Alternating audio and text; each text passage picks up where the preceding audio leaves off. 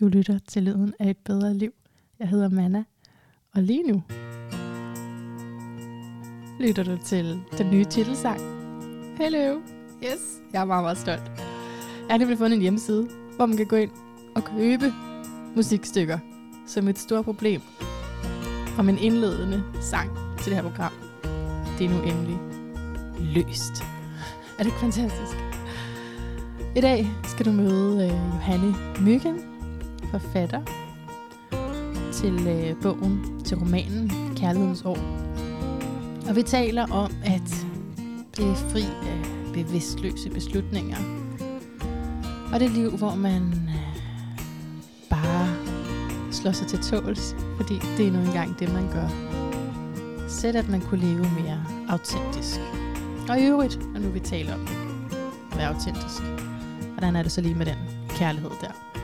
Velkommen indenfor. Og velkommen til dig, Johanne Myggen. Hej.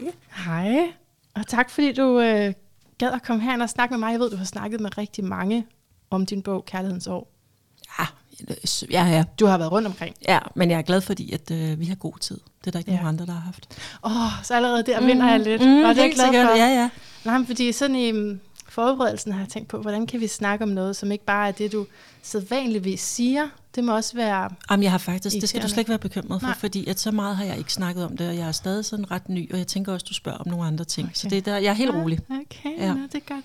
Jamen, mit første spørgsmål er, øh, fordi det er jo en roman, vi taler om. Mm. Så vi kommer ikke til at fortælle handlingen. Man skal jo ligesom, det skal man ligesom selv overveje at læse, ikke? Men, øh, men der er en masse personer i den her bog, den her roman. Hvor, hvor meget kendetegner de din psyke? Hvor dybt nede er vi i din psyke, når man læser de her fortællinger? Hmm. Det er et sjovt spørgsmål. Jeg tror, at det er sådan, at altså det jeg prøver at forklare, fordi jeg har været ret overrasket over, hvor mange, der tager for givet, at, at det simpelthen bare er et virkelig sådan meget, meget spinkelt slash sminke, og så er det mit eget liv, og min mor og min Ja. mormors liv, og det Ja. ja. er det faktisk ikke. Nej. Øh, der er rigtig meget, jeg har fundet på, og det bliver enormt rodet for mig at sidde og sige, det er sket, det er ikke sket, det er sket. Der er noget, der er sket, mm. og der er noget, der ikke er sket, og sådan noget der. Ja. Men det er en roman, og det er fiktion. Mm. Men øh, det er meget svært at skrive om følelser, man ikke har haft. Ja, yeah. ja. Yeah. Og heldigvis kan man sige, så er der jo ikke så mange følelser, så de fleste mennesker kommer til at føle de fleste følelser i deres liv. Mm. Øh, men selvfølgelig er vi, altså mine tre hovedkarakterer, Rimor og Elisabeth og Nana, de har rigtig meget til fælles med mig på forskellige måder. Og man kan tænke sådan, altså, mm. og det er sjovt, fordi alle er meget sådan, Nana er Johanne, fordi det er hende, der foregår, der lever i 2019. Mm. Og det er rigtigt. Der er masser i det, Så som man er tror, at du er hovedpersonen. Ja. ja. Men for eksempel Rimor, der, er i, der går rundt i 50'erne og lige har fået et lille barn. Mm. Hun lever øh, på Nørrebro. Mm. Og Mm. det vidste jeg ikke, hvorfor hun gjorde, indtil det pludselig slog mig, at det var i det samme kvarter, hvor jeg selv gik rundt og havde fået mit første barn. Mm. Og den der sådan følelse af en mærkelig blanding af dyb sådan altså forbundethed til et barn, mm. men samtidig også en, en dyb frustration over den forbundethed, fordi der er noget andet, man vil, mm. end at være mor, mm. som rimor føler. Ej, det var en stor del af mit moderskab, Ja. ja. så man er dybt nede i min psyke, når man læser om rimor. Ja. Og Elisabeth fra 70'erne, der bliver sådan en stor rødstrømpe, hun har en meget... Det var faktisk, jeg havde enormt lang tid rigtig svært ved at finde ud af, hvad Elisabeth ville. Mm. Jeg kunne ikke finde ud af, hvad Elisabeth ville. Øhm, og så var jeg sådan lidt, om det er en pointe, hun ikke vil noget. Men det er jo nedtur med en person, hovedkarakter, der ikke vil noget. Og så slog hun bare sådan, hun vil jo skrive. Og den der enorme drift og begær, Elisabeth har om at skrive og udtrykke sig, mm. som hun næsten er villig til at sætte alt til side, og også bruge andre mennesker for. Mm. Altså det gør hun jo lidt på en måde, vil jeg sige. Eller det er svært at sige, hvem bruger hvem hende, og hun har jo et, et, et forhold, seksuelt forhold til en anden kvinde, Begitte. Mm. Hvem bruger hvem? Mm. Men Elisabeth, Elisabeth bruger i hvert fald også Begitte til at skrive. Mm. Altså til at få inspiration til at skrive. Og det kender jeg også for mig selv. Mm. Altså det, det er sådan en... en lidt syg del af det at være forfatter. For mange, men, for mange forfattere, tror jeg, at sådan en lidenskabelig forelskelse kan virkelig sætte skriften i gang. Og hvem er det så, man egentlig er forelsket i? Er det skriften right. eller den anden, eller hvad er det, der right. foregår? Ikke? Altså, ja. der, altså der, er gået, der er gået tre hæftige forelskelser på den her bog. Ikke? Måske fire, faktisk. Mm. Altså som du har opsummeret og kogt ned i den her bog? Nej, det, altså imens jeg har ligesom har ind, altså skrevet denne ja. her bog, har jeg haft fire forelskelser. Ah, ikke? Og det hjælper faktisk den kreative proces. ja, og det er jo noget underligt noget, ikke? Altså sådan, øh, hvad er det, hvad er det der foregår, ikke? Ja. Altså sådan, ikke? Altså mm. sådan, altså hvem, hvem, ja. Altså Nej, det, men det er det med, at det er den samme kilde, det der. Ja, men for mig kilde. er seksualitet ja. og kreativitet ja. og spiritualitet på ja, en eller anden måde. Det er tre kilder, der ligger That's meget tæt op hinanden. Akkurat. Og man, altså den samme følelse af sådan overmagt kan man jo godt lidt få. Ja. Altså den der måde, når man bliver set af en, der bliver forelsket oh, i en, ikke? Ja. så kan man føle sig almægtig. Og det kan man også, når man skriver. Ja. Så kan man ligesom pludselig få sådan et, et, et sekund, hvor man ligesom sådan tror, man er en gudinde eller en gud. Ikke? Og så, fordi der er hul igennem. Ja, fordi der er hul igennem, ikke? og man er bare, wuh, ikke? Ja, og sådan noget, ikke? Ja.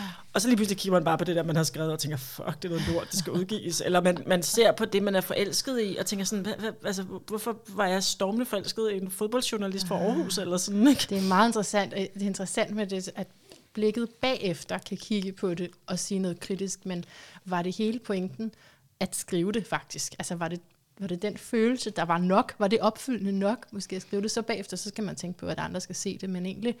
Altså, Jamen, det er ikke nok store, nej, det er, nej, det er ikke nej. nok for dig, det ved jeg godt. Du har også alt i 6. hus, som er, er meget patentligt med, at det skal helt skal være ordentligt. Men nej, nej, det er ikke nok for, det er ikke, for mig vil det aldrig være nok for bare nej, at skrive det. Og det, det må jeg simpelthen sige. At, at der, for, okay, det er fordi, det skal ud. Det er det? Men det er fordi, jeg har også, altså det der er sjovt, det er, at, at det synes jeg virkelig sådan, jeg læste en masse mens jeg læste, læste jeg ret meget med Britte Ulrikkeholm. Ja. Og hun skrev rigtig fint, at, fordi hun er jo sanger, mm. at når man, at, at det der med, at jeg tror rigtig tit musikere har den der meget dybe oplevelse af at komme i kontakt med sådan mm. en kilde. Yeah. Men, og så sådan, og det, for at komme, det skal man lægge egoet til side. Yeah. Men så var hun sådan, men hvis, men du skal ikke lade som om, at, det, at du ikke skal bruge dit ego, når du skal stå ja. på Roskilde Festival og synge. Ja. Fordi hvis det kun var at komme i kontakt med kilden, så kunne du bare sidde og lave religiøs korsang, ja. for eksempel. Ja, ja, ja. De fleste musikere, også hende selv, vil op på scenen, der og der skal du bruge dit ego. Udlevelse altså, du vil, og det er dit ego, det er ikke fordi, du er i kontakt med kilden, og det har jeg også, jeg har giga-ego. Jeg vil selvfølgelig, ja, ja. og lige nu, det er det, der er sådan lidt skørt. Ja. Det er, lige nu er der bare overhovedet ikke noget hul igennem til nogen kilder, altså for mig, og det er kun ego, ikke? Det er kun ego, der driver det hele, ikke? er det sådan, det er at være rundt og reklamere for sin bog? Ja. Det kan jeg godt forestille Altså, og man bliver sådan hysterisk selvoptaget. Ja, altså på sådan det vildt langt ja, ud. Altså. Fordi du hele tiden skal forholde dig til, hvad andre siger om dig. Ja. Hvilket jo er normalt en meget dårlig og sygelig idé. Ja, ja. Ikke? Og, jo, jo, fuldstændig. Man ser hele tiden, folk forholder sig til en, og man er... Og man kigger på hende altså lige pludselig, så, altså, jeg kan ikke lide at blive fotograferet, og faktisk altid mm. ikke synes, jeg var særlig pæn. Mm. Og lige pludselig, så er det bare sådan, så, så er det sådan, øh, så er man på forsiden af politikken, mm. og sådan, øh, og det, altså sådan, altså, Nå, det lyder meget godt, at du får konfronteret nogle dæmoner ja. der, eller nogle, nogle såre sider der. Jeg har trukket to uh, tarotkort. Jeg er helt bange. Hvorfor du har du stus, du har stus over dem, jeg ligger her på bordet. Hvad er det andet? Men det, jamen, det, det er kun er, svært, jeg orker det ikke. Jamen, det var jo ikke... Nej, nej, nej, nej, nej, nej, nej, nej, nej, ikke det der svært. Nej, altså svært står bare for det mentale, men jeg ved godt, jeg har det her... De er de uhyggelige svært, du har trukket. Ja, nu, prøv nu at høre, ikke? Prøv nu at høre. Det, jeg ser ikke på noget som sådan, at nu er det dødstømt eller et eller andet der. Der er altid en mening i det. Øhm, men jeg trak dem, fordi øh, først så spurgte jeg, hvad, ja, hvad skal jeg ligesom indstille mig på her? Og så trak jeg de fem svær.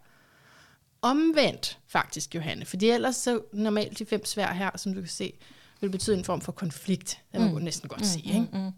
Og, altså, og svært, det er, jo, det er jo det mentale, som sagt, så det kunne godt bare være, det kunne både være helt konkret, det kunne også være i sindet. Mm. Øh, men øh, men jeg, jeg, om, jeg trækker den omvendt, så, så jeg tænker, at det kunne betyde, at øh, vi er kommet over en konflikt, ja. og skal til at tænke videre, hvad så herfra, og hvordan går jeg nu på kompromis nu, hvor der var den her konflikt, hvad så nu? Ikke? Mm. Hvad gør jeg så? Mm.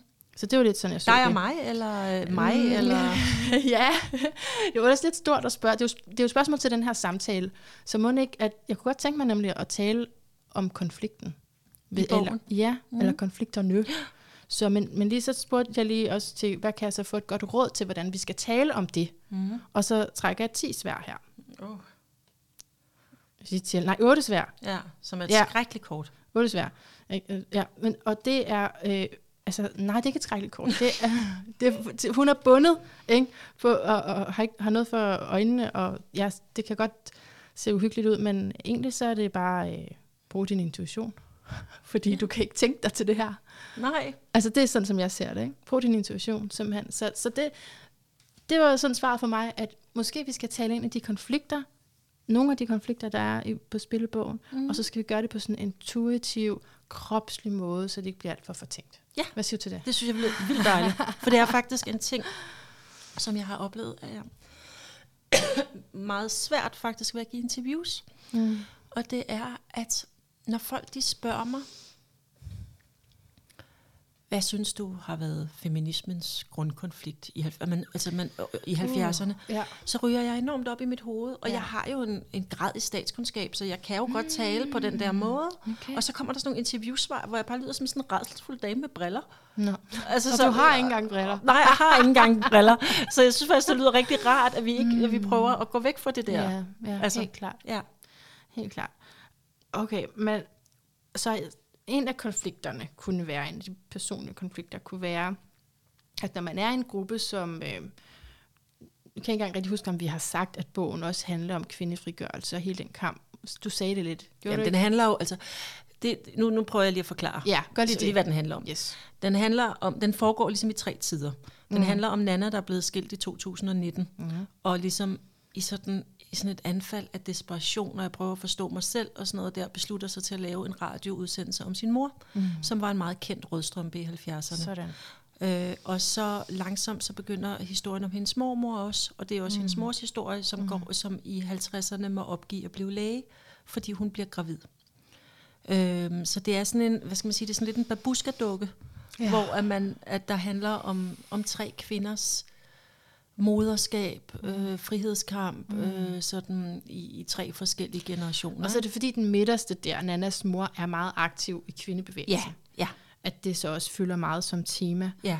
Og på et tidspunkt i det, så er hun, så siger hun, øhm, nej, det er så vist, det tror jeg, er det interviewet bagefter, eller er det undervejs, det kan jeg ikke huske. Men på et tidspunkt, så siger hun, hun er usikker på, om det er hendes egen stemme.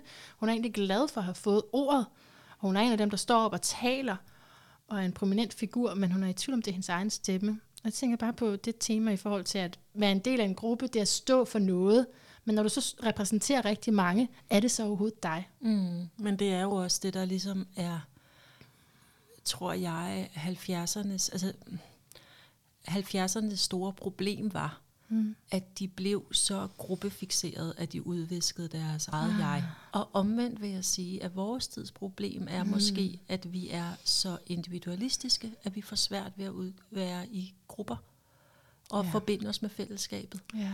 Øhm, oh. Og det vil sige, at hvor at Elisabeth på en eller anden måde har en oplevelse af, at hvis hun bliver en del af rødstrømpebevægelsen, så tror hun, at så bliver hun sig selv. Men hun bliver i virkeligheden bare en del af et vi. Mm. Så har Nana den oplevelse, at hvis hun går ud af sit vi, altså går ud af familien, går ud af kernefamilien, så kan hun blive sig selv. Og det bliver hun måske også, men der er jo en stor ensomhed forbundet med det. Ikke? Og det er jo det der med, hvordan... Det synes jeg er en, en hvad skal man sige, en gåde, en udfordring. Altså, hvordan skaber man et fællesskab, hvor at der er plads til forskellighed?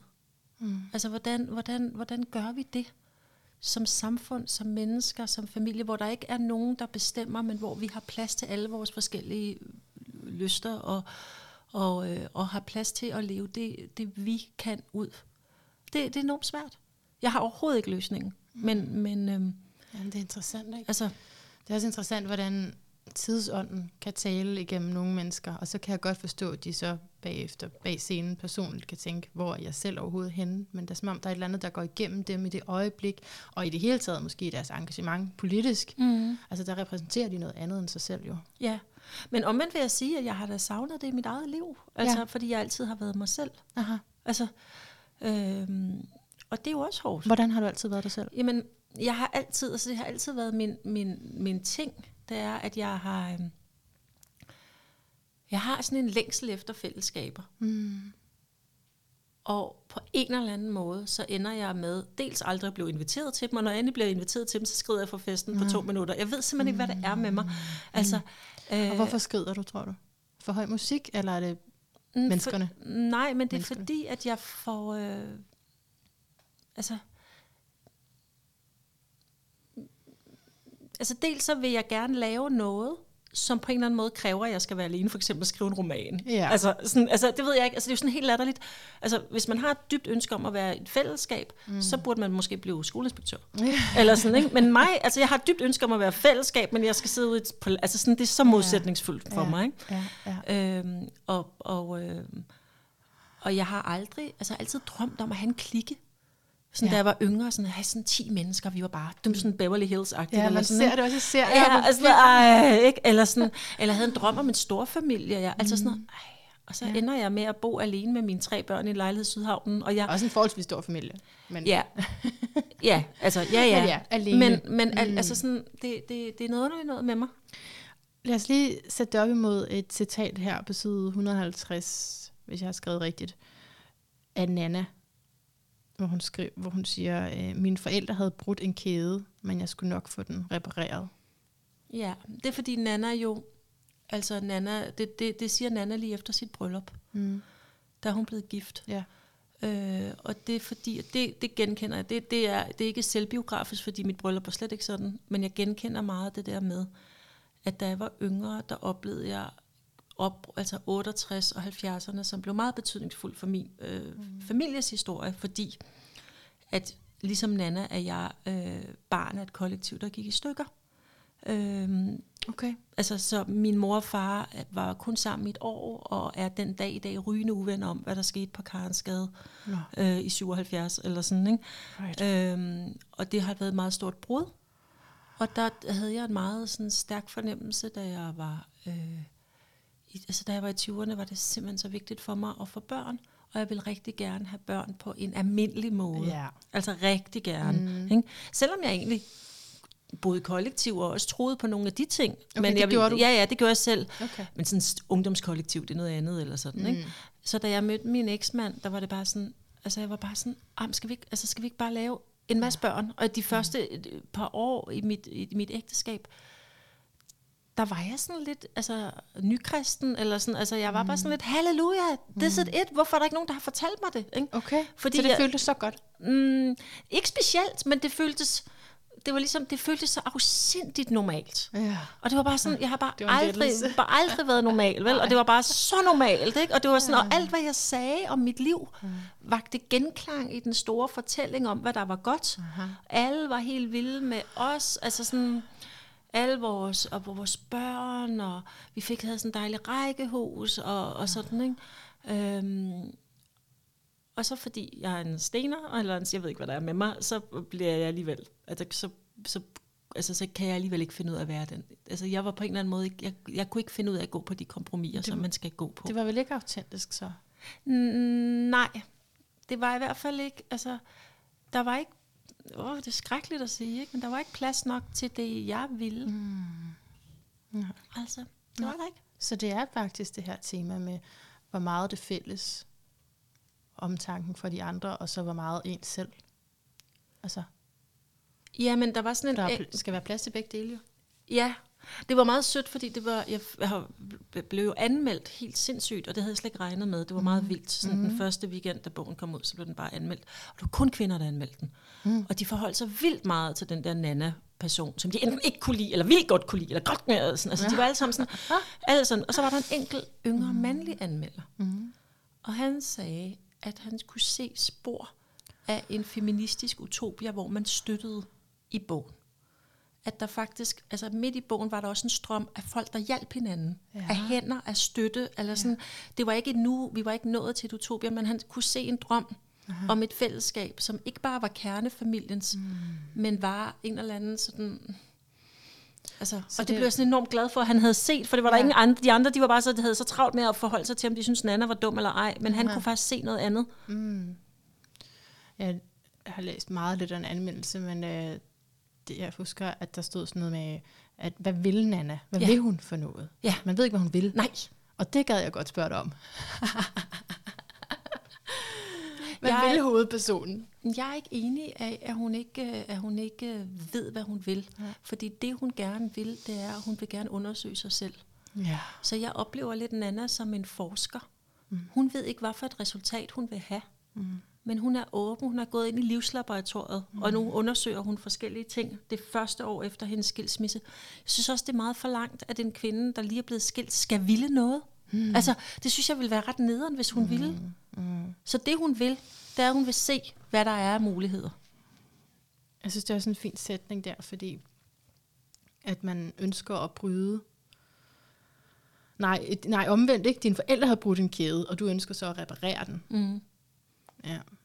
Ja. Og altså, jeg tror, mange af os i en bevidst eller ubevidst grad, så kommer man med sådan et eller andet, "Det- jeg vil gøre det bedre. Ja. Men så opdager man også, hvor conditioned man er ind i noget. Om det så er rebelsk imod det, man kom fra, eller om det er en gentagelse, og måske er det nogle gange begge dele. Altså jeg tror, det der er, og det tror jeg ikke er, det, det tror jeg spiller ud i min familie, men det tror jeg spiller ud i mange familier, at faktisk det er meget ambivalent, om Nana er rebelsk, eller om hun i virkeligheden, altså hvornår er hun rebelsk? Mm. Jeg, altså Nana gik ind i en kernefamilie, men det ønsker hendes mor jo, hun skal. Ah. Selvom man kan læse det som et oprør, fordi hendes forældre blev skilt. De gjorde noget andet, Ja, ja, ja. Men, men, men i og med, at de gjorde noget andet, så mm. ved Elisabeth også alt om, hvor meget det koster. Og hun ja. ønsker faktisk, at Nana skal okay. blive gift. ja. Så jeg er ikke sikker på, at Nannas oprør egentlig er, når hun bliver gift. Det kan også Nej. være, at det er, når hun bliver skilt. Ja. Det bliver hendes mor faktisk rigtig vred over. Ikke? Mm, ja, og, Og det er der- er slippe på sådan en god mand. Ja. Ja. ja, ja, og det er jo helt absurd. Elisabeth har aldrig ville give leve med en mand, vel? Mm. Nej, men hun ønsker noget andet. Ja, for sin datter, for sin eller sådan, datter, ikke? Ja. Så det der med, ligesom, hvornår man gør oprør, det er faktisk lidt ugennemskueligt. Så i forhold til at blive skilt, mm. så det, er- det er jo, øh, det har du også prøvet. Ja, Og genkender du det med, at folk spørger ofte, for det synes jeg, der er i hvert fald et par gange, hvor der bliver spurgt i bogen med, hvorfor at de her to blev skilt. Er, genkender du det, at folk omkring dig har spurgt? Nej, men det var noget af det mest rystende ved at blive skilt. Ja. Det var, hvor meget folk tillod sig at spørge, og også, altså, altså, for eksempel den værste, jeg nogensinde fik, det var min redaktør, der sagde sådan, når du er blevet skilt, suk. Ja, jeg, jeg er jo selv skilsmissebarn, og jeg har det bare sådan, det er det værste, ja. jeg kunne forestille mig, at skulle ske for mig. Og jeg havde det bare sådan, Tak. Øh, mm. Nej, Claus. Det værste, du kunne forestille dig, der skulle ske for dig, det var, at alle dine børn var døde i en bilulykke. Mm. Hvis alle mine børn nu var døde i en bilulykke, mm. så håber jeg, at du havde takt til at sige, ikke stå og sige, at det var det værste, du kunne forestille dig. Mm. Eller sådan, altså, mm. ja. altså, der var et eller andet, det, det er jo ikke rigtigt, når man kan stå og sige, det er det værste, jeg kan forestille Ej. mig kunne ske. Så det er ikke rigtigt, fordi det er, altså en skilsmisse er, altså ligegyldigt hvor grum og nedre den er, ja. ikke det værste. Nej, det er det ikke. Øhm, der er mindst en, og for det tit to mennesker, som har været med til at tage den beslutning. Ikke? Ja. Det er ikke det værste. Nej. Og for mig, der var det bare sådan en fordømmelse. Ikke? Ja. Der var også en anden nabo, der, sådan, der sagde, hvad skal der så ske med de tre små drenge? og bare sådan, hvad skal der ske med dem? Altså, øh, øh, dem skal vi passe rigtig godt på. Ja. Og det, det, altså, Ja. jeg var en, du synes, jeg var en god mor, da jeg var gift. Altså, jeg, jeg, altså de skal jo ikke, vi skal jo ikke sidde på gaden og tække indkroner, vel? Altså, det lyder også som om, at din omgangskreds, dem du beskriver der i hvert fald, har været fast i nogle normer. Jeg blev vildt forbløffet over, at hvor, hvor, øh, hvor meget de sad øh, i, altså fast i nogle normer. Men det sjove var, at øh, samtidig med, at jeg blev skilt, der havde jeg et forhold til en kvinde, som også blev skilt. Hun blev skilt fra en anden kvinde. Så det var, man skal sige, det lesbiske miljø. Der skulle man tro, de var virkelig sådan, at de brød op med normer eller sådan, ikke? Ja. Det der lesbiske miljø, de var bare sådan, hvad er I blevet skilt? Fordi de havde også, altså, Ja. de, mm. Det er fordi, at skilsmissen provokerer os, mm. fordi vi, når vi lever i parforhold, vil vi så gerne tro det for evigt. Og når der lige pludselig mm. kommer nogen og siger, hey, jeg synes, altså, og især faktisk den skilsmisse, som ikke er sådan rigtig grum. Altså hvis man ligesom kan gå ud og sige, han slog mig, eller han har knaldet med sin sekretær i 10 år, eller øh, øh, hvad ved jeg, et Det er eller andet. meget mindre sandsynligt, at man går fra hinanden, hvis der ikke er en eller anden trigger. Et eller andet, hvor man kan sige, det er derfor. Øhm, eller det var det her, der bragte os derud i hvert fald. Ja. Hvis det bare er, jamen hverdagen kører fint, jeg har måske nogle andre ønsker for mit liv, men det egentlig går fint, så typisk bliver man i det, fordi man også er afhængig af hinanden. Ja, ja. En ting er det materielle, måske med huset, men også med, jamen du laver ligesom mad, og så gør jeg det her over, ikke? Og så mm. har man det. Så det, det er typisk, at der skal ske noget, før man går fra hinanden. Ja, men, men altså, selvfølgelig skete der også noget mellem mig og min eksmand, ja. som gjorde det, eller sådan. Mm. Men det var, altså, Så det jeg, så jeg forklare, elsker måske. min eksmand. Altså, ja. altså, jeg er fyldt med kærlighed til ham. Ja. Jeg fortryder ikke, at jeg er blevet gift, at, at vi fik tre mm. børn overhovedet. Mm. Og vi var et fint par, mm. og vi hader ikke hinanden. Mm. Men jeg havde lyst til at leve på en anden måde. Mm. Øhm, Okay, så det var det der liv jeg sammen. blev død træt af det ja. der liv, og jeg synes, der var, altså, der var alle mulige ting, og, jeg, det, og selv i dag er det svært, og det kan også være fyldt med fortrydelse, selv i dag, fordi var det så bedre, det jeg fik, Ja, ja, og sådan noget, alt det der, ikke? Men, men Tvivler det, man på sig selv. Det er altså, menneskeligt. det jeg bare blev rystet over, det var, at folk sådan aggression og mm. deres nyfigenhed, mm. men jo også, hvor meget det afspejlede, at alle, der er gift, mm. spekulerer en gang imellem mm. på, om det er det rigtige. Ja. Og det spørgsmål introducerer jeg. Mm. Og så lige, altså... Ej, og der var også ja. en anden gang, hvor der var en anden af mine naboer. Øh, det var i sådan en forbindelse med, at jeg flyttede ud af det hus, vi havde boet sammen med. Og så blev han bare så rasende over et eller andet med, hvor flyttelæsset havde stået. Og han stod bare sådan og råbte af mig sådan, din egoist, jeg synes, det er så egoistisk. Hvor jeg bare tænkte sådan, var det noget med, at dig og din kone faktisk, så vidt jeg husker, var ved at gå fra hinanden for et par år siden, fordi du havde en affære med en anden, men hvor du blev?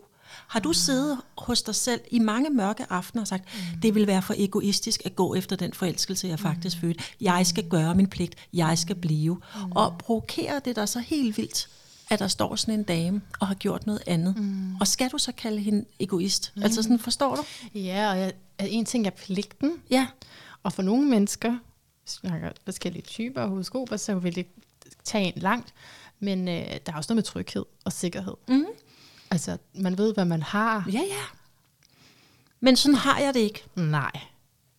Du har brug for mere. Ja. Og jeg er glad for, at du siger det med, at du introducerer det, fordi det er jo også derfor, vi taler om det, fordi det på en eller anden måde er, er repræsentativt for vores tid og vores, øh, mange af vores livsvalg går imod nogle andre, altså nogle stereotype valg øh, og normer. Så hvis vi skal finde en konflikt, er det så en kærlighedskonflikt? Altså, Og det er det, der er konflikten i det, det er, um, hvordan, hvordan lever man sammen som to, der elsker hinanden, eller flere, der elsker hinanden? Det er i hvert fald en af bogens mange konflikter, ikke? Ja. Øh, og det er jo også en, en, en, en stor konflikt inde i Nana, det der med, det jeg tror, der er med min opvækst, og som, som jeg jo til en vis grad deler med Nana, mm. det er, at jeg er ikke opdraget til på nogen måde, at kernefamilien er det bedste. Nej. Det ja, synes-. Er din familie er du ikke? Nej, Måske er dit samfund resten af samfundet synes det. er fjernsynet. Ja, ja. Men jeg er så også faktisk opdraget til at sætte meget store spørgsmålstegn Okay. ved det, fjernsynet siger. Yes. Fordi mine forældre har været så venstreorienterede, som de Right. er. Og der Okay. kommer der sådan meget kritik af normer med det. Men kunne det så ikke være sådan, det, det, det grønne over på den anden side, der, eller der, hvor man ikke måtte gå hen, gå aldrig uden for den her bygrænse. Altså kunne det være, have fungeret sådan i din psyke måske? Nå, men nej, fordi nej. jeg tror faktisk, at det, der lidt har været mit problem i forhold til det der ægteskab, ja. det er, at rigtig mange har det sådan. Ja. Du kan ikke gå ud på den anden side af bygrænsen. Men mm. jeg har hele mit liv været rundt, men været sammen med mennesker, der, der boede i teltlejr, mm. langt ude i skoven på den anden side af bygrænsen. Ja, du Og har det, set. Så jeg ved, at Ja. det kan man sagtens. Mm. Ikke? Ja. Så når jeg lige pludselig synes, at åh, der er bare, altså, ej, jeg synes, der er trængt, og jeg kan ikke rigtig ånde og sådan noget der, så er det relativt nemt for mig mm. at sige, skal vi ikke gøre noget andet? Mm. Okay. Og det er jo, ikke, det er, jo Okay. det er et vilkår. Så det er relativt nemt for dig at sige, skal vi ikke gøre noget andet? Ja, det er altså på i alle forhold... mulige steder i dit ja, liv? Det, Okay. det, sådan er det bare. Ja. Jeg har nemt ved det. Ja. Altså, jeg ved ikke, om du kan se det i mit Jo, horoskop. det kan jeg godt.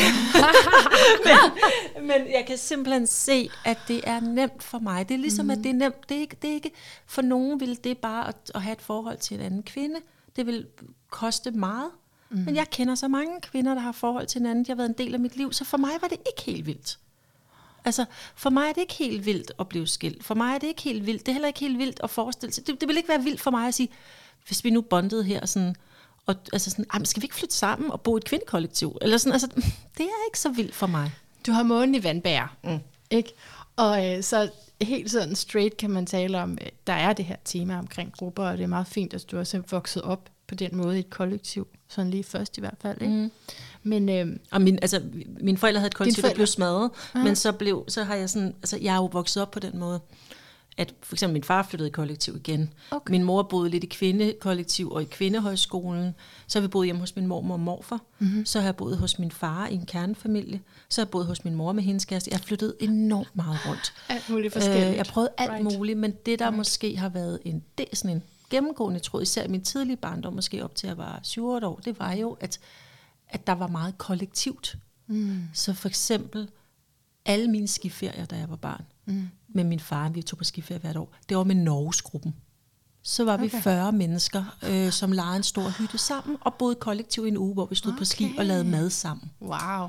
Sådan noget, altså sådan, for mig der er det sådan helt sådan, når du siger wow, så det sådan, altså, altså, sådan, sådan, altså, og når jeg var holdt, når vi var på ferie, så var det på ølejre, og øh, min fars sommerhus på Møen, som jo også er med i bogen, øh, det var jo ikke et sommerhus, det var jo syv marxister, der ejede et, øh, et gammelt husmandssted sammen. Okay, ja. Og min bedste venindes øh, forældre var en del af det, og, og, og, og så var det sådan noget med, altså så var man, holdt man ferie med, med sin far på Møn, så var Kim og Mette der også, og så kom Sofie og hendes far og mor også, og Ej, det må være meget det var fantastisk. skide sjovt. faktisk. Altså det var faktisk dejligt. Ja, ja. ja. Altså, Jamen, så, så den kunne ligge der i den symbolik, ikke? Med, altså, at det er fælles, fællesskabet. Men jeg tænker også på, hvordan det psykologisk er et konstant kald på autenticitet. mm, Og et mod også til en faktisk en tryghed, fordi det er munden, vi taler om. Så en tryghed i at gå efter det radikalt originale for dig. Altså præcis det, som passer til dig. Fordi hver gang du ikke gør det, så føles det som om, at du ikke er til stede i dit eget liv. mm. Så det, den vil trække dig derhen. Det er der, du kan blive allermest glad. Månen beskriver, hvor vi er allermest trygge henne. Ja, men det, altså, det er bare sådan, det er. Og det er jo sådan lidt, mm, det kan jeg også mærke faktisk i forhold til at få de der anmeldelser, hvor de, de der kvinder begynder at anmelde mm. Nana-karakteren. Fordi sådan er der jo mange, der ikke har det. Så kan man nemt komme til at blive læst som sådan en narcissistisk, selvoptaget øh, grænsesøgende. Jeg synes, jeg synes faktisk ikke, at jeg har særlig grænsesøgende adfærd. Det er ikke det, jeg vil sige. Men jeg har det bare meget godt i yderområderne. Mm. Altså sådan, altså, forstår du Det var godt forskellen? sagt. Altså, Ja. altså, Jeg er ikke grænsesøgende, men jeg har det godt i yderområderne. Nå, men ja. for eksempel, mm. altså, jeg var ikke sådan en, da jeg var teenager, som drak mig skide fuld og tog stoffer. Nej. Aldrig. Altså, jeg, altså sådan, jeg har ikke taget, jeg har øh, taget stoffer en gang i mit liv, men det er sådan typisk mig, at jeg så synes, det kunne være rigtig spændende at tage ayahuasca nu, eller sådan, Ja, ikke? ja. Men så vil jeg gøre det kontrolleret for mm. altså undersøge det. Ja, det er med en anden motivation. Det er ikke sådan, fordi jeg bare har en eller anden destruktion. Det er fordi, jeg, nej, ikke, jeg synes ikke, jeg er så destruktiv Nej. i min grænsesøgning. Og det føler du, at det er det, der bliver sagt? Ja, eller hvad? det føler jeg Ah. tit, at folk de synes, at det er sådan... Eller... Jeg vil bare gerne... Altså... Ja, jeg har bare meget behov for ligesom at... Øh, ja, at undersøge, mm. hvad der gør mig glad. Og Ja. det, der er lidt af problemet, er, at, at det ikke altid er det, der gør andre glade. Mm, altså, nej, det, vi er og ikke det er enige.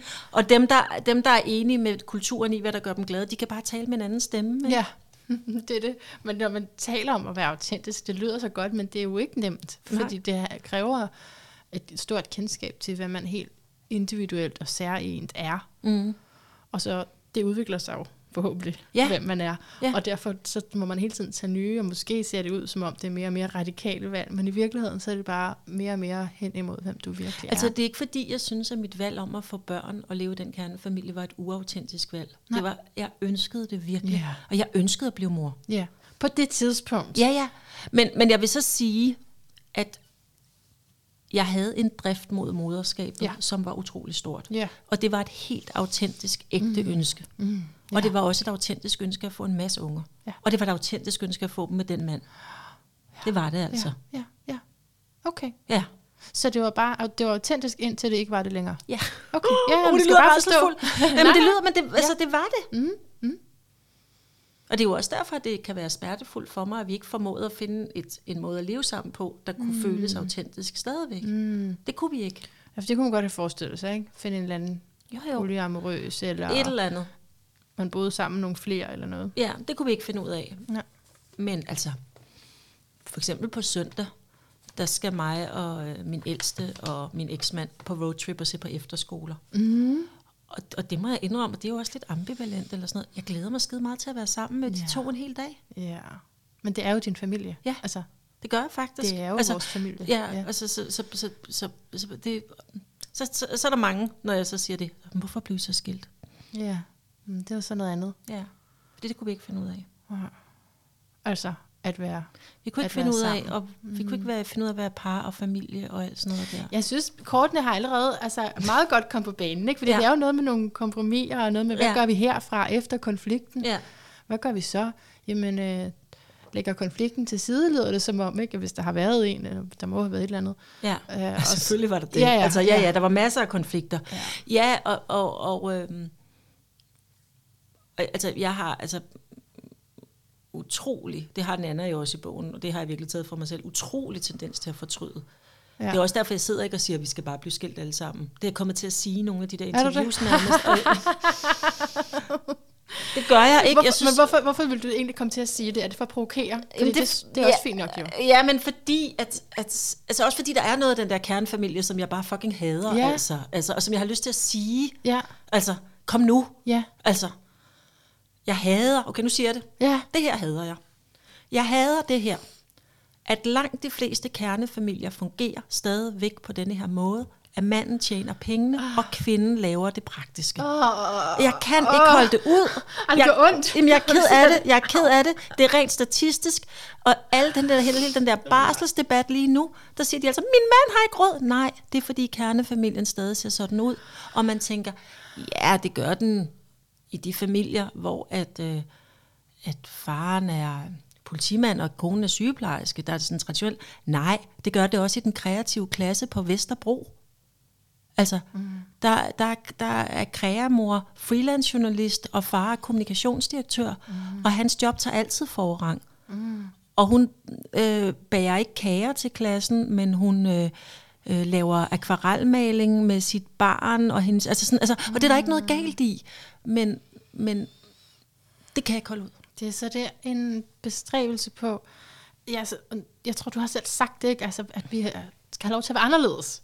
Jamen, jeg kan ikke, altså diversiteten, og så kan jeg ikke holde magtfordelingen ud. Nej. Jeg er ked af det. Nej. Jeg kan ikke holde ud, at når manden så kommer hjem med pengene, så synes han også, at han har ret til at være stenet omkring kalendergaverne. Ja. For det er han. Og så skal hun ud og købe kalendergaverne. Læg mærke til, hvor mange kvinder i 40'erne, der får stress. Hvorfor får de stress? Det er fordi, de arbejder 40 timer, og så laver de kalendergaver, og vores forhold til moderskabet er tårnhøjt. Ikke? Høj, Det er blevet høj standard. helt sindssygt, ja. ikke? Øh, ingen af ungerne kan selv cykle til fodbold, ikke? Og så sidder, og så læg mærke til det, hvem sidder til fodboldkampen og glor på lilleputterne? Det gør damerne. Hvorfor gør de det? Fordi manden er på arbejde og tjener pengene. Og jeg kan ikke holde den struktur ud. God. Altså, jeg har, jo, Sorry. jeg har jo fejlet. Nej, du skal ikke holde dig for munden. Jeg er så glad for det. Jeg er så glad for, at det, var kommer bare frem. det. Det er det, jeg hader det.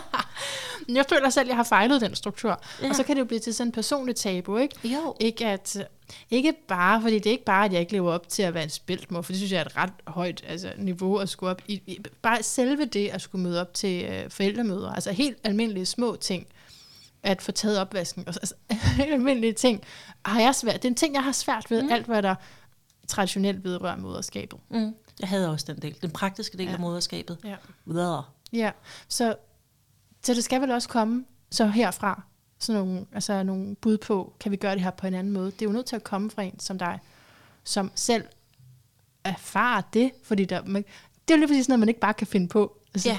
Og så for eksempel, nu må jeg så sige, nu, nu Ja. kører vi den helt ud, Ja, ikke? og så kan vi please. så hele det bagefter. Ikke? Jo, det gør vi. Jeg havde ikke skrevet den roman, hvis jeg ikke var blevet skilt. Det er jo det. Og det havde jeg ikke, mm. fordi at det at blive skilt betød, at hver anden uge har jeg ikke børn. Ah, Og det at skrive en roman kræver, at man sætter alt andet til side. Mm. Og det gør jeg ikke i de uger, jeg har børn, mm. men det gør jeg i de uger, jeg har, og jeg ikke har børn. mm. Og den form for kreativ klasse, kernefamilie med tre børn, hvor den ene skulle gå til klaver, den anden skulle gå til rytmik, og den tredje ja. skulle øh, følges til parkour, ikke? Øh, ja. Og en mand, der var selvstændig. Ja. Og de krav, der er, Det havde ikke været muligt at skrive den bog. Nej. Og jeg har lavet nogle ting. Ved du hvad, vi mødtes i et tog, øh, dig og mig. Ja. Ja, det var pisse grineren, ikke? Jeg havde måske godt taget med til podcastkonference, øh, hvis jeg stadig var gift. Men det kan også godt være, at min eksmand havde kigget på mig og sagt, for helvede, der sker alt muligt andet, at det er vigtigt, og så havde jeg sagt nej. Men, men, men fordi jeg har været en weekend fri, så kan jeg godt prioritere at tage til kan. Så podcastkonference. disponere over din tid. Ja, fordi det skulle ikke andet. Mm. Jeg kunne rigtig godt tænke mig at være med, og så mødtes vi i tog, og det var mega fedt. Ikke? Mm. Det var magisk. Ja, det var Faktisk, magisk. Ikke? Ja. hinanden der. Ja. Så på den måde... Så hvordan kan man det, hvis man holder hinanden fast i... Ja. Ja. Det er måske det er, faktisk, vi gør det jo også sådan generelt, lige hvis, når, vi snak, når jeg snakker om det på den her måde. Måske er det bare, altså vi skal holde fast i, at det er forskelligt.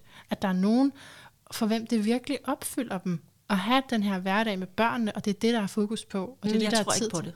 Tror Nej, du ikke? undskyld. jeg tror, at der er rigt... Okay.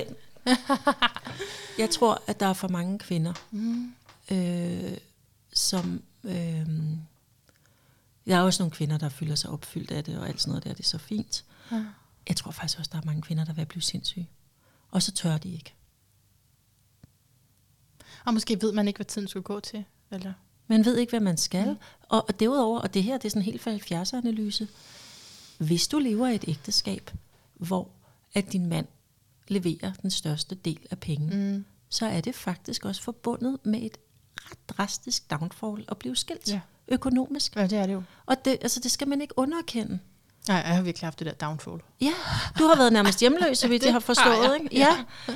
Øhm, så jeg er ikke sikker på, altså jeg er ikke sikker på, at jeg køber den der. For nogle er det rigtig godt. Jo, for Okay. nogle er det rigtig godt. Okay, nej. For mange er der også nogle strukturer, som gør, at de faktisk ikke kan tage sig sammen til at gå. Fordi min datter går igennem. Ja. Nu må du gerne, skat. Du må gerne være her. Ja.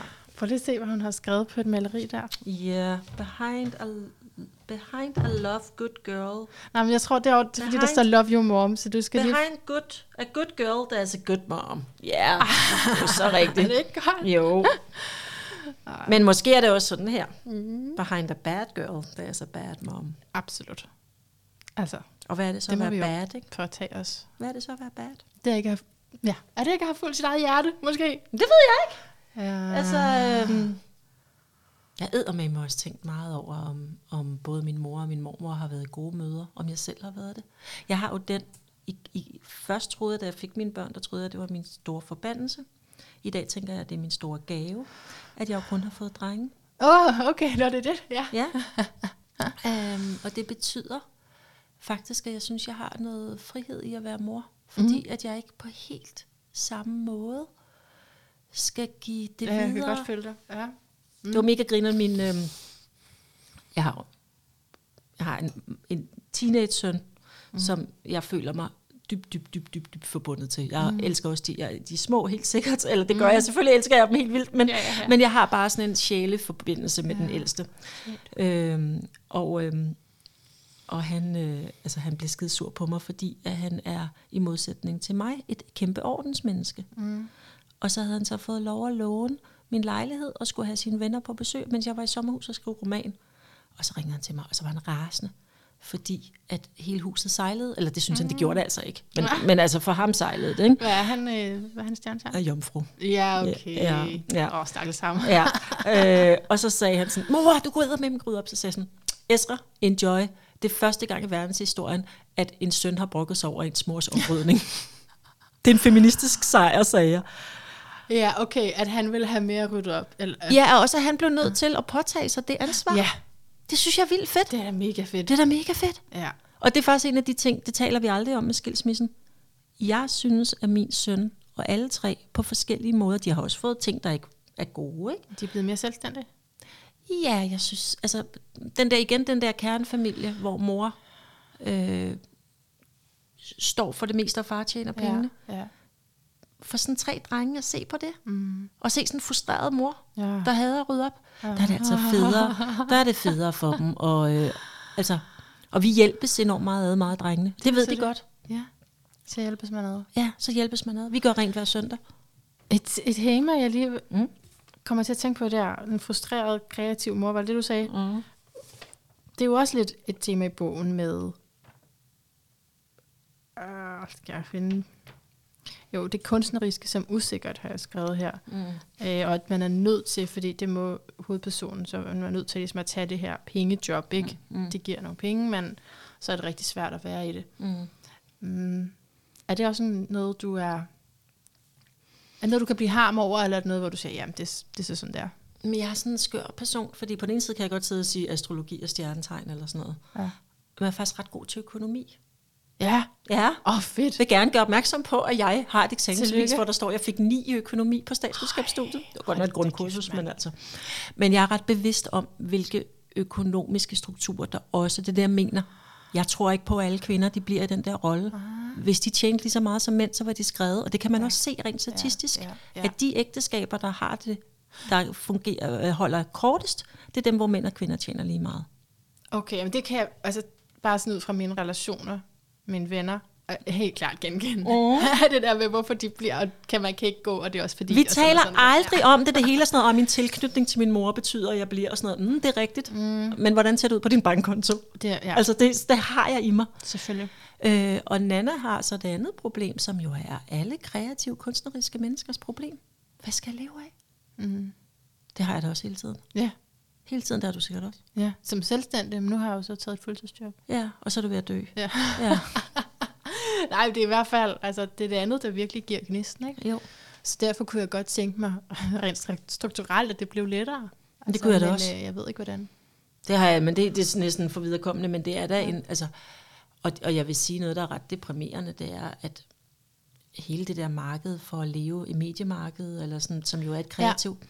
Fordi mm. jeg har jo været, jeg har været i, jeg har jo lige, på den måde ligesom Nana, jeg har jo været i medieverdenen, siden jeg var ganske, ganske ung. Du er journalist? Ja, nej, det er jeg faktisk ikke. No. Jeg er uddannet antropolog. Ja, er, nu der siger du journalist, og så står der i den her bog, står der, at du arbejder som journalist under din introduktion. Så tænker jeg, nå. Jamen, jeg er antropolog. Ja, antropolog. Og stats, eller har læst statskundskab. Ja. Øh, nej, jeg har bare arbejdet som journalist, siden jeg var ganske ung. Mm. Fordi Danmarks Radios ungdomsafdeling var åben, var lidt et åbent værksted. Og på de 20 år, altså dine muligheder for at leve af mere kunstnerisk mm. journalistisk arbejde, mm. de er bare blevet så dårlige. It's gone. It's gone. det er slet vi skal gøre, vel? Jeg kunne godt tænke mig så lige at også nå at runde ja. det romantiske kærlighedsliv. Mm. Og i forhold til det her kort, der handler om at komme videre. Ja, ja.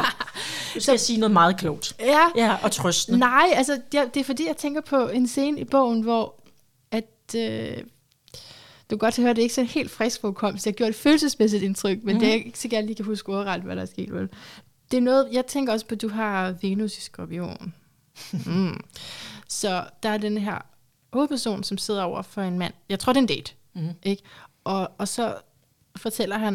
Det er en Tinder-date. Okay, det er det, ja, ja, var. det er Tinder-daten. Det er en Tinder-date. Ja. Og så fortæller han om sin øh, afdøde kone. Mm.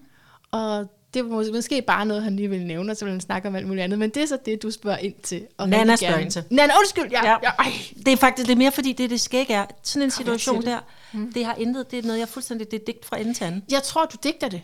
Men, men det er dig, der har Venus i skorpionen, så du kender til... Jamen, nej, det vil jeg spørge dig om.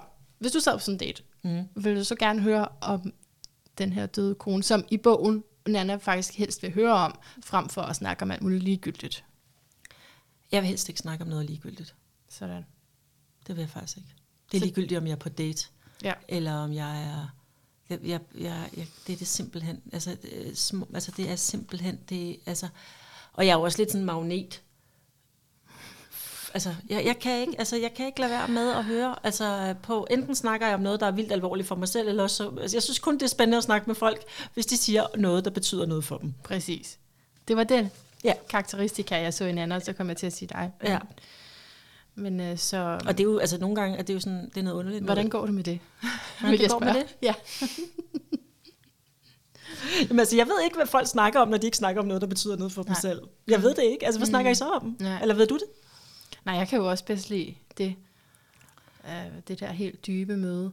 Jo, men, men der er jo meget andet, man kunne sige. Ja. Men det, det, det sker, altså sådan, men det er jo sådan noget, altså det er jo et problem. Altså er det ikke et problem, men det gør jo, at, øhm, gør det ikke, at du forbinder dig dybere til folk? For det er jo det, jeg oplevede, da vi mødte hinanden i toget, og vi så faktisk ret, eller med det samme, Ej, det var også helt galt den dag. om store traumer. Og, det var helt galt, altså. det var, men det var fantastisk. Det gav mig kæmpe optur, fordi that's my kind of girl. Ja, jo. Øh, men det er ikke så tit, man møder det. Men det Nej. tit, der er en masse skridt først. Jeg synes faktisk, noget af det, der kan være lidt hårdt ved det, mm. det er, at for mig er det enormt nemt at gå derhen. Ja. Øhm, og, og når jeg går derhen, så går folk jo med. Og det, så kan det godt betyde, at jeg kan have nogle meget øh, dybe møder med folk. Mm. Øh, og som jeg bare elsker. Og det er fantastisk.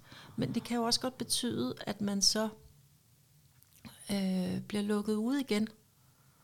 Fordi folk synes det, altså fordi de kan ikke være der. Ah. Eller det stiller for mange spørgsmål, Yes. eller de bliver lidt skræmte. De bliver for eller konfronteret. Det bliver for konfronteret. Mm. Og fordi at jeg ikke ved, hvordan det er at have lyst til at snakke om noget, der ikke betyder noget. Det, jeg ved, Right. det, det er ikke en følelse, jeg kunne skrive på. Okay, okay, nej, at kunne skrive på, det ved jeg så ikke, men jeg har været på dates, uforpligtende dates, altså sådan noget, hvor man i forvejen ved, vi skal nok ikke lige mødes mere end, end det her.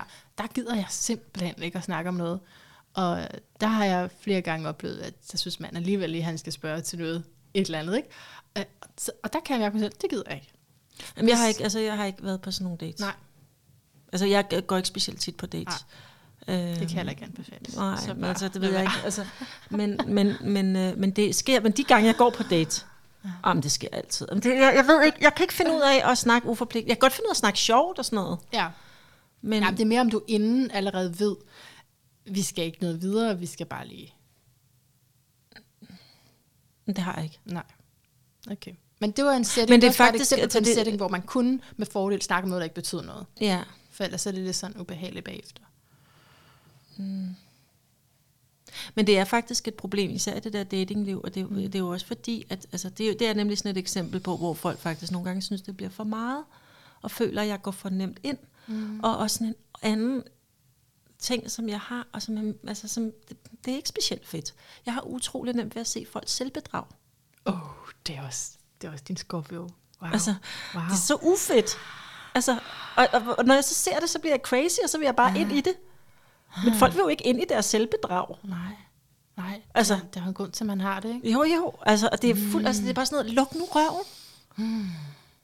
Men jeg, jeg ved ikke, altså, jeg kan ikke, altså, og det er sådan, det, og det er jo ikke, altså, jeg, det er ikke, det, det er ikke, det er ikke, det er ikke godt. Jeg synes, det er... Hvor jeg ikke synes, det er godt. Jo, altså, fordi men- jeg ser jo både altså, vandbærens kald på det radikale, altså, og originale, og den du virkelig er, ikke? Og så skorpionen, altså, som kan se ind i nogle dybder og ind i noget mørke. Men man kan miste mennesker på det. Ja. Både Som ikke er klar til altså, det. altså, man, jeg, altså, jeg kan både, altså, Folk skal også være klar. Mm. Og jeg har lidt, eller har i hvert fald oplevet, siden jeg blev skilt, kan jeg godt have haft sådan lidt, sådan, været lidt en magnet på mennesker, mm. som er på første step. Okay. Og så, Og så har du taget dem med helt op på 10. eller hvad? øh, nej, altså så, så, så er det jo sådan, så, så bliver de dybt for fascineret af det her, og også Ja. det, jeg vækker i dem. Okay, Men så ja. kan de ikke gå videre. Mm. Mm. Og så sidder jeg jo tilbage, og vil bare gerne have noget kærlighed, ikke? Ja. Mm. Ja. Altså, det synes jeg faktisk er skide svært. Ja. Ja. Jeg ved ikke, om det er en, en skorpion, Venus-skorpion ting. Det er hele dig. Det er hele dig. Og så er du jo vægt i sol, soltegn, stjernetegn, øh, som handler om kærlighed, som handler om at finde, ja, hvis ikke forene modsætninger, så i hvert fald finde ud af at samme eksistere med dem. Mm. Så hele tiden, hvordan kan jeg være sammen med den anden? Så, så derfor er det et stort livstema, netop det, at hvordan du både, altså, ja, hvordan I begge to kan få lov at være der Ja. fra det sted, I nu er. Ja. Og det er svært. Altså, og det, det er bare sådan en ting. Altså det, det, det er sådan... Og jeg fylder helt vildt meget, og det er jo også... Altså sådan, så den der kombination af, at jeg både sådan ligesom intuitivt... Altså, det er bare... Altså mig og den store dreng, Mm. øh, vi har det på samme måde. Mm. Altså, og han... Øh, altså, han sagde sådan... Der var hans venner, sagde sådan... Du stikker, Esra. Altså, at, altså, du er en myg, du stikker, ikke? Og så er vi bare sådan begge to sådan, åh, nu er vi stukket igen, eller sådan, ikke? Okay, men så kommer jeg til at tænke på den sidste astrologiske ting her, kommer jeg til at tænke på, det er, at du har så meget 6. hus, og han er jomfru, mm. jomfruens hus. Og der er jo, altså, kan man jo også øh, se alt, hvad der er galt. Ja, ja, det er jo det. Men Det er det. Så andre kan måske føle sig kritiseret. Ja, helt vildt. Mm. De kan føle sig mega kritiseret, og de kan føle sig øhm, trådt over tæerne, og, mm. og øhm, altså, og, og det er jo også fordi, på en eller anden måde, så det, når jeg ser folks selvbedrag, mm. eller så, så det, det, det, det, det gør mig ikke noget. Jeg kan ikke lade være at crawl det out, men jeg kan mm. godt leve med det. Okay, ja, det er Jeg- godt. Det er vigtigt at kunne. Jeg, jeg, jeg, altså, det, det synes jeg for det meste, jeg kan. Ja. Altså, men, men det kan godt være, at de ikke selv kan. Når du først har i tale sat det, så bliver det svært. Mm, Ja, eller altså sådan, det kan godt være, at det ikke, altså sådan, altså, men jeg kan godt leve med det. Mm. Altså, Ja, men det, altså, det er et interessant emne, vi kommer ind på der, ikke? Fordi hvis vi taler om kærlighed, er det så en illusion? Altså, hvis vi skulle tage det derhen, er det en illusion, at vi vidderligt kan elske hinanden som dem, vi er? nej, Okay. nej. Så hvis du ser fuldstændig rent på et menneske, og du ser alle fejlene, du ser det hele, altså, har vi kærlighed nok til det? Ja. Okay. Ej, nej, nej, nej. nej Okay, ja, du er romantiker, kom med det. Nej, nej, nej, det, men nej, jeg er ikke romantiker. Nej, Nå, det, jeg, jeg, er ikke- det er ikke romantik, det er erfaring. ja, Selvfølgelig kan vi det. okay. Det betyder ikke, at vi kan leve gnidningsløst med hinanden. Ah, nej. Der kan være tusind konflikter, og man kan blive vanvittig af det. Altså, men, men, men derfor kan man jo altid elske hinanden alligevel. Okay, så der er forskel på at elske, og så at kunne leve sammen i kærlighed.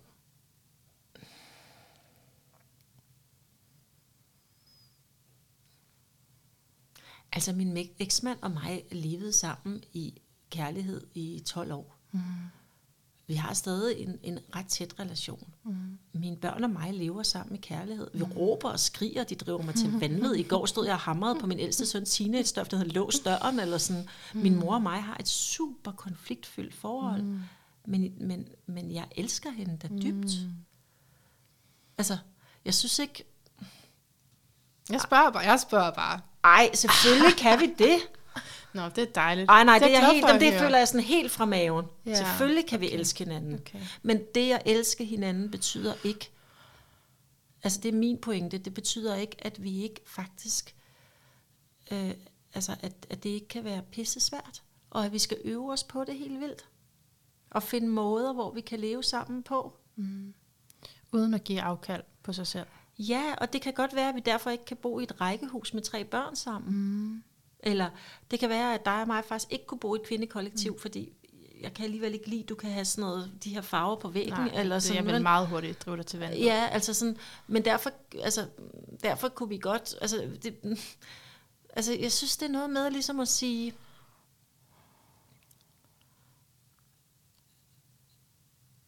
altså, jeg tror, at de fleste kærlighedsforhold, det opleves der, i hvert fald i mine kærlighedsforhold, kommer der med den kærlighed både en enormt konflikt, fordi de mennesker, man elsker, de irriterer os en på en helt sindssyg måde. Altså, ah. også fordi man nogle gange vil have dem til at gøre ting, man de ikke vil. Det er en del af kærligheden Ja. at blive irriteret. Okay. Pis meget. Okay. Altså, ikke? Altså, Jeg er med. Ja. Øhm, Okay. men, men der kommer jo også en meget dyb tolerance. Mm. Altså, de to ting eksisterer på samme tid, tænker jeg. ja. Altså, Hvor meget af dit journalistiske liv har egentlig handlet om kærlighed? Jeg spørger, fordi jeg ikke ved det, men der ved, der har været noget om kærlighed. det tror jeg faktisk meget af det har handlet om Okay. i virkeligheden. Men vi har jo kaldt det noget andet. Så har jeg kaldt det arrangerede ægteskaber blandt muslimske kvinder, mm. eller øh, dysfunktionelle familieformer hos socialt udsatte, mm. eller sådan noget. Men det er jo også kærlighed. Ja, ja. Eller, altså. Altså, ja. Jeg tror, en af de fejl, vi måske begår, det er, at vi på en eller anden måde øh, tror, at kærlighed er det samme som harmoni. Mm. Ja. Det tror jeg ikke, det er. Eller det er det ikke. Ja, altså jeg har ikke så mange erfaringer med den der mand-kvinde-konstellation i særlig lang tid. Eller ikke kvinde-kvinde. Ikke nogen, altså i parforholdsregi. Så det er derfor, jeg godt kan stille mig selv det spørgsmål, om det er en illusion, at man vitterligt kan elske en præcis, som den anden Men du er. elsker jo andre. Ja, men det er jo, vores partner er den, der kommer aller tættest på, ikke? og som minder, typisk i hvert fald, som minder os om øh, vores primære omsorgspersoner. Og så er vi tilbage i sådan noget med, hvordan det var dengang, og kan man overhovedet komme ud over det? Ja, ja. Jeg, jeg, jeg tror faktisk, at en af de ting, der er farlige at gøre, det er at øh, lave et, et kærligheds sådan, hierarki, hvor man så ligesom synes, at det aller vigtigste og aller svære, og jeg kommer selv til det, det er partneren. Der er jeg lidt ja, mere kollektivist. Jamen, det forstår jeg godt, men det er vel bare den, der alligevel, netop i forhold til det med at kunne sætte fingeren på, hvor det gør ondt, ikke? Det, så er det den, der kommer tættest på. Det, så, og, og det man kan fordi, være så selvudviklende, så længe man ikke er i sådan en relation. Sorry to break it, men om halvandet år, så er det din datter, der kan det. Nå, ja, ja. Der er altså andre relationer. Jo, jo, det gør hun også. Ja, ja. Altså, når man, det, mm. det er mm. vigtigt. Mm. Det er faktisk vigtigt. Ja. Men det er på For en anden måde, fordi det ikke er en ligeværdig relation. Det er ingen relationer. det var her, vi skulle have startet. Hvis siger relation, så tror jeg bare, du fører den af. Okay, ja, det er det, din ting. Ja. Det, nå, men det er der ikke nogen relationer, der er. Nej. Nej.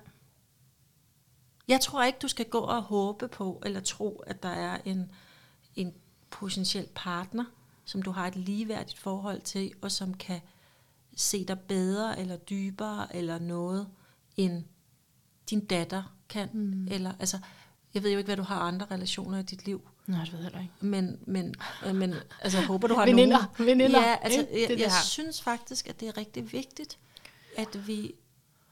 Det er altså sådan en arv, dårlig arv, at vi ligesom siger, at partneren, og det er altid kvinder, der gør det, at partneren er det, er det aller, altså sådan den fineste relation, vi har.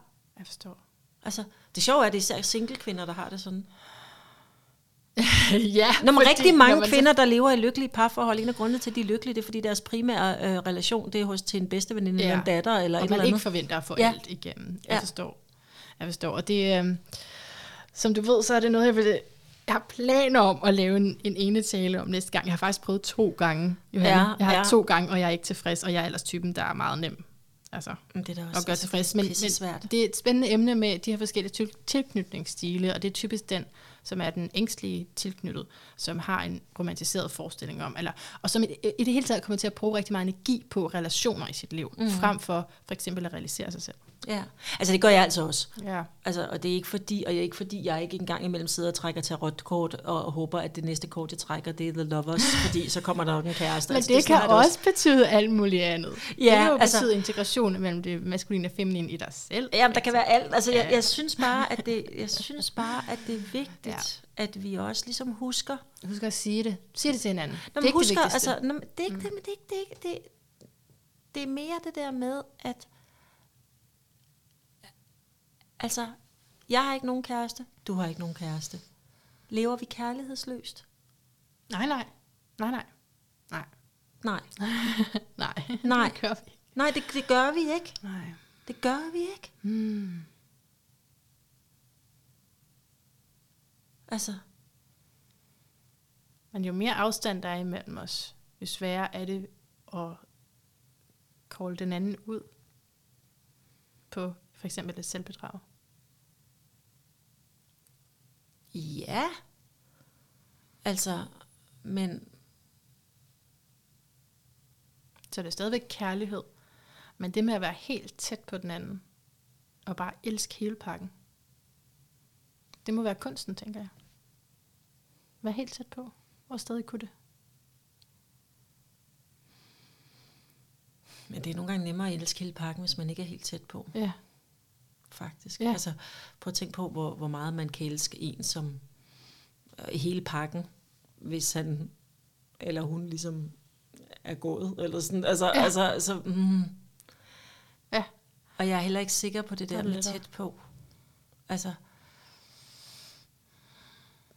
jeg tror, at det vigtige er ligesom at have en... Jeg tror faktisk... Det her, det, det, nu, nu siger jeg noget skørt, ikke? Okay. Øh, jeg har den, den kvinde, som, som jeg var sammen med en kort periode efter min skilsmisse. Hun er i dag min meget, meget, meget nære ven. Ja. Øhm, og jeg vidste godt, at vi var ikke, vi var ikke meant to be som kærester. Aha. Det vidste jeg udmærket godt. Øh, men jeg vidste også med hele min intuition, at vi, vi, vi havde en connection, som... Altså jeg kunne nærmest mærke, at den skulle blive livsvarig. Det tror jeg, den bliver vores relation. Ikke? Ja. Men det, der er så skægt ved hende, det er, at hun har sådan noget, da hun har haft sådan noget ganske ung, som hed dyrekredsen. Hvor at alle dem, der er aller tættest på hende, de er et dyr. Slet, ja. Så øh, der er giraffen, det er den her meget smukke, høje arkitekt, som er sådan, altså på en eller anden måde sådan et meget distanceret, girafagtigt væsen. Ikke? Og så er der ulven, som er hendes ekskone, som er denne her super højt begavet, og alligevel sådan øh, ret, altså, ret umulig ulv, fordi så er hun sådan meget psykisk skrøbelig og sådan, ikke? Hvad for en dyr er du? Ja, jeg er, og det er det fedeste. Det er det fedeste nogensinde. Jeg er en odder. Selvfølgelig. Ja, så men, men hvorfor lige præcis? Fordi en odder er sådan et enormt lejende, Uh-huh. Øh, meget, det har også en masse børn. Det bygger uh-huh. alle mulige ting. Det invaderer også. Det er sådan et lidt invaderende dyr. Er det den, der bygger broer? Nej, det er en bæver. Nå. Nej, men det, det, det, for eksempel har det invaderet alle parkerne i Singapore. Øh, altså sådan, og det nu bor der tusind odder i parkerne i Singapore og sådan noget. Ikke? Øh, det er sådan et ret elegant grinerdyr. Men det jeg egentlig vil sige med det, det er, at hun er meget sådan, hun bliver pisse irriteret. Hun er selv en bøffel. Ikke?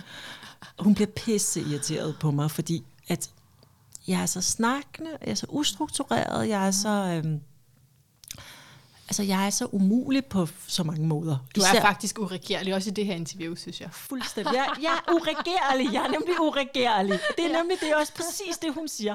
Og hun er historieprofessor og lever sådan, er meget højt profileret akademiker, så hun, mm. hun er meget reger, altså hun reagerer. Mm, hun kan kontrollere. Hun kontrollerer helt vildt meget, og hun ja. arbejder, hun lever som en uh, olympiad, altså som en, som hvis hun spillede, stillede op med 100, altså hun er så, hun, så dybt disciplineret. Ikke? Sejt.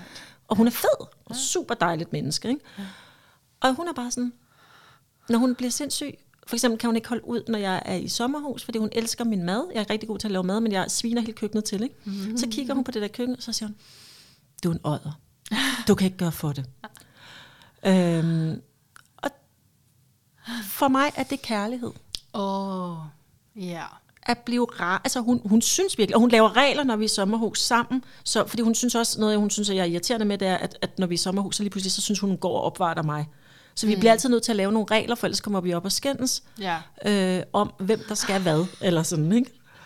og så er hun meget sådan, så er det for eksempel, det for mig. så er det for eksempel en regel, der hedder, at, at jeg, er en odder, altså, jeg er en odder, så jeg skal ikke rydde op. Jeg skal ikke være med til at gøre huset rent, når vi, når vi pakker det sammen.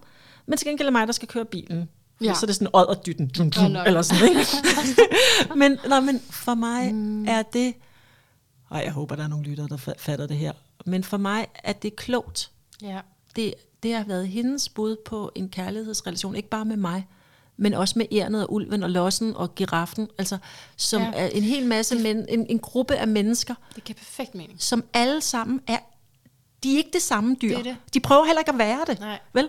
Giraffen, og hun gør det ikke til nogen. Hun siger, det her det er dig. Det accepterer jeg. Ja, og, så og vi er alle sammen en del af kredsen. Det. Og så når man så bliver en del af den kreds, så er det sådan, så, så er det sådan noget, åh, giraffen kommer. Åh, giraffen, hun er simpelthen altid så krævende. Og, eller sådan, ikke? Nå, men, altså, men, men vi ved bare alle sammen, at vi kan bare rigtig godt lide at have... Så du får lov til at være dig. Ja. ja. I et fællesskab. Mm. Det er for mig, det er kærlighed. Mm. Det, altså, jeg føler mig meget elsket af den kvinde. Ja. Jamen, altså. det kan jeg godt se. Det giver en enorm frihed. Ja. Så hvis man udvikler sig, så kan man vel bare mutere, eller... Nej, men hvis man er en odder, kan man ikke blive andet end odder, men man kan jo godt blive grå. Nå, eller, ja. altså, sådan, man kan godt blive en gammel odder, eller sådan, ikke? Nej, når man er en odder, så er man en odder. Jeg synes, det er sjovt, det der med, altså, at dykke er så struktureret, fordi du har så meget sjette hus, men, det, men vægten er ikke struktureret. Vægten vil gerne have de andre lige ordner. Det er også løgn. Op, ikke? Det er også men, løgn. Jeg er bare ikke ordentlig. Nå, okay. Jeg er super struktureret. Okay. Det er bare fordi, hun er helt sindssyg. Okay. Så ja, det er så sådan nogen, du møder. Ja, og jeg kan jo godt lide dem. Ja. Det skal man huske. Ja, fordi det passer jo så til. Ja, jeg har, altså den der bog, det er jo heller ikke en ustruktureret bog. Det må man sige. det må man sige. Det, altså, du har virkelig skulle holde tungen lige i munden ja. for at, at kunne gå ind og ud af de her historier. Ja, ja, ja, ja. ja det er løgn. Det vil, være, det vil faktisk være løgn at sige, at jeg er ustruktureret. Ja. Jeg er faktisk på Godt mange så. punkter super struktureret. Godt så. Det er bare, det er et dilemma. Ja. Ja. Fordi du nogle gange har lyst til noget andet, eller? Eller i, i nogle områder af dit liv, sådan kan det også være. Intellektuelt er super struktureret, rent praktisk er super kaotisk. Ja. Altså, jeg har svært ved at rydde op. Ja. Er det her også? Ja, Hvad skal, hvad skal man starte med først? ja jeg ved det heller Kan ikke. ikke starte med det hele? Nej, altså nej. Altså, Nå. Nå, uregerlig, er uregerlig. Ja, det er jo det. Og, og vi er også, altså, tiden er der. Okay, Ja. ja. men det er så slut det hele af. Det, er nu, fint. nu er det slut, ja. Men øh, vi skal lige slutte. Vi skal okay. også lige have en afslutning, ikke? Ja. Så nej, jeg har et spændende spørgsmål, synes jeg selv. Shit, Ja. Og det er, hvad kunne det være for noget musik, der kunne være soundtracket til den her roman? Fordi jeg, da jeg, havde læst den, det kom jeg selv til at tænke på et nemlig. Så tænkte jeg, ved, om du har et. Men du er nok nødt til at synge, fordi der er alt muligt med ikke? Men Det har jeg altså ikke. Har du ikke noget? Nej, altså den har jo en prolog, som er en trillesang. Ja, men hvis Øh, du skulle sådan finde en, en sang, som sådan kunne... Ligesom Beverly Hills, ikke? Den starter også med en sang. Ja. øh, sådan fungerer min hjerne slet ikke. Har du et? Altså, jeg vil gerne høre det. Jeg kan bare ikke så godt synge. Det er ikke Ej, kom nu. Åh. Jamen, det er den der... Um, ej, jeg, det, jeg kan ikke, tror ikke lige, Måske kan gå jeg synge ting. den. Ja, kunne du gøre det? Ja. Altså, det er den her um, med blø Tinder, har jeg slået op, hvad den hedder. Øh, den der, come on, come on, come on. Love is all around. Ja, den! Come on, come on, come on. Du, du, du, du, du. Ja, love's the greatest Love is the greatest thing. Ja. Come on, come on, come on. Ja, Og så synger de nemlig også Heal My Mind. Ja. Ja. Synger de også, at kærligheden helbreder. Og, Ja. og ej, den er bare så fed. altså. Gud, det er god, et godt soundtrack. Den er mega god. Ja, den skal vi da høre bagefter dans rundt. ja. Ja. Og tror du ikke, jeg må... Du ved sådan noget som journalist? Ved? Nej. Må jeg, jeg, nej, du ved ikke. Øh, jeg ved det ikke, og du må ikke. Åh, oh, okay.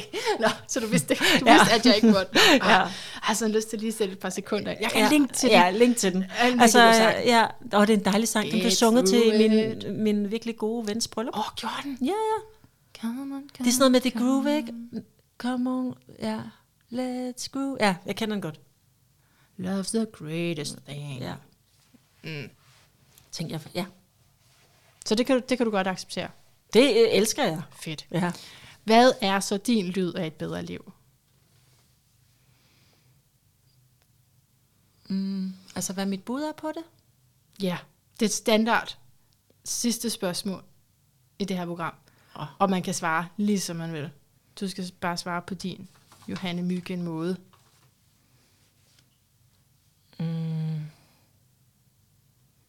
Der er sådan en 70'er roman, øh, som jeg virkelig elsker, der hedder Kvinde ved tidens rand. Det er sådan et utopia. Det er sådan en hippie-utopia. Den foregår i fremtiden, men den er skrevet mm. i 70'erne. Øh, og der bor de alle sammen i landsbyer. Og det der er med dem, det er, at i landsbyen, der har alle deres eget lille hus. Og så har de en masse fælleshuse. Og sådan kunne jeg ret, det er fuldstændig utopisk. Kommer Så hver person? Alle har deres eget okay. lille hus, Okay. men ude på gaden er alle dem, man kender. Fedt. Sådan vil jeg gerne leve. Ja, det lyder fedt. I øvrigt, vi, der var et hængeparti mere. Ja, Det var, at du teasede på sms, at du, du kendte alle personernes stjernetegn Nå ja. i din bog. Ja. Altså, kan du ikke sige bare lige de der, vi har nævnt, eller en lille inderkreds? Jo, altså? Elisabeth og Nana er begge to født i januar. Det vil sige, de er vandbærere begge to. De er vandbærere, De er okay. vandbærere begge to. Nannas far, Søren, er jomfru. Ja. Øh, Elisabeths store kærlighed, Birgitte, er tyr. Okay. Øhm, og jeg ved faktisk ikke, hvad Rimo er. Kan jeg vide, om hun ikke er stenbuk? Ja. Det kunne jeg godt forestille mig. Men nok med noget vandbær i sig også. Ah. Jeg ser dem lidt som sådan nogle vandbærer. Vandbærer øh, damer alle sammen. Ja. Ja, Ja. Ja. Det der bestræbelsen på det ja, ægte. ja. Og på Og det så nye. alligevel fællesskab. Og på det nye. Det er progressivt, det har Ja. jeg ikke sagt. Det Ja. har du ret i. Det glemmer Ja. jeg tit. Det men det er jo nye. en kæmpe del af. Ja. Det er, jo, det er jo en kæmpe del af det fællesskab, man ønsker som vandbærer. Ja. Det er det progressive og fremtidsorienterede. Og, og have en fælles vision. Ja, ja. Ikke? Og mødes om det. The Age of Aquarius. Yeah. Mm. Det, er jo, det slutter bogen jo med, at den varsler. Jeg tror nogle gange, når jeg er optimistisk, så har jeg sådan en teori om, at de der Age of Aquarius 60'er tanker, de kommer tilbage nu igen. Og det tror jeg, de gør, fordi de har nogle bud til os.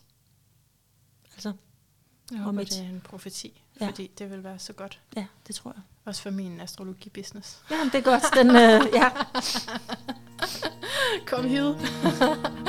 Tusind tak for det her, Johanne. Selv tak. Og af hjertet tak til dig, kære lytter. Tak fordi du var med mig. Husk at tjekke de forskellige links i the show notes, blandt andet til min hjemmeside, hvis du er interesseret i det. Ellers vil jeg bare sige, indtil vi høres ved igen. Gentænk alt. Måske især, om der lige nu er nogle normer, som du følger forholdsvis blindt, og som bare ikke harmonerer med dit inderste. Er der noget at gøre ved det? Og hvis der er, hvad kunne det så være som et første skridt til at træde ud af det, der ikke rigtigt er dig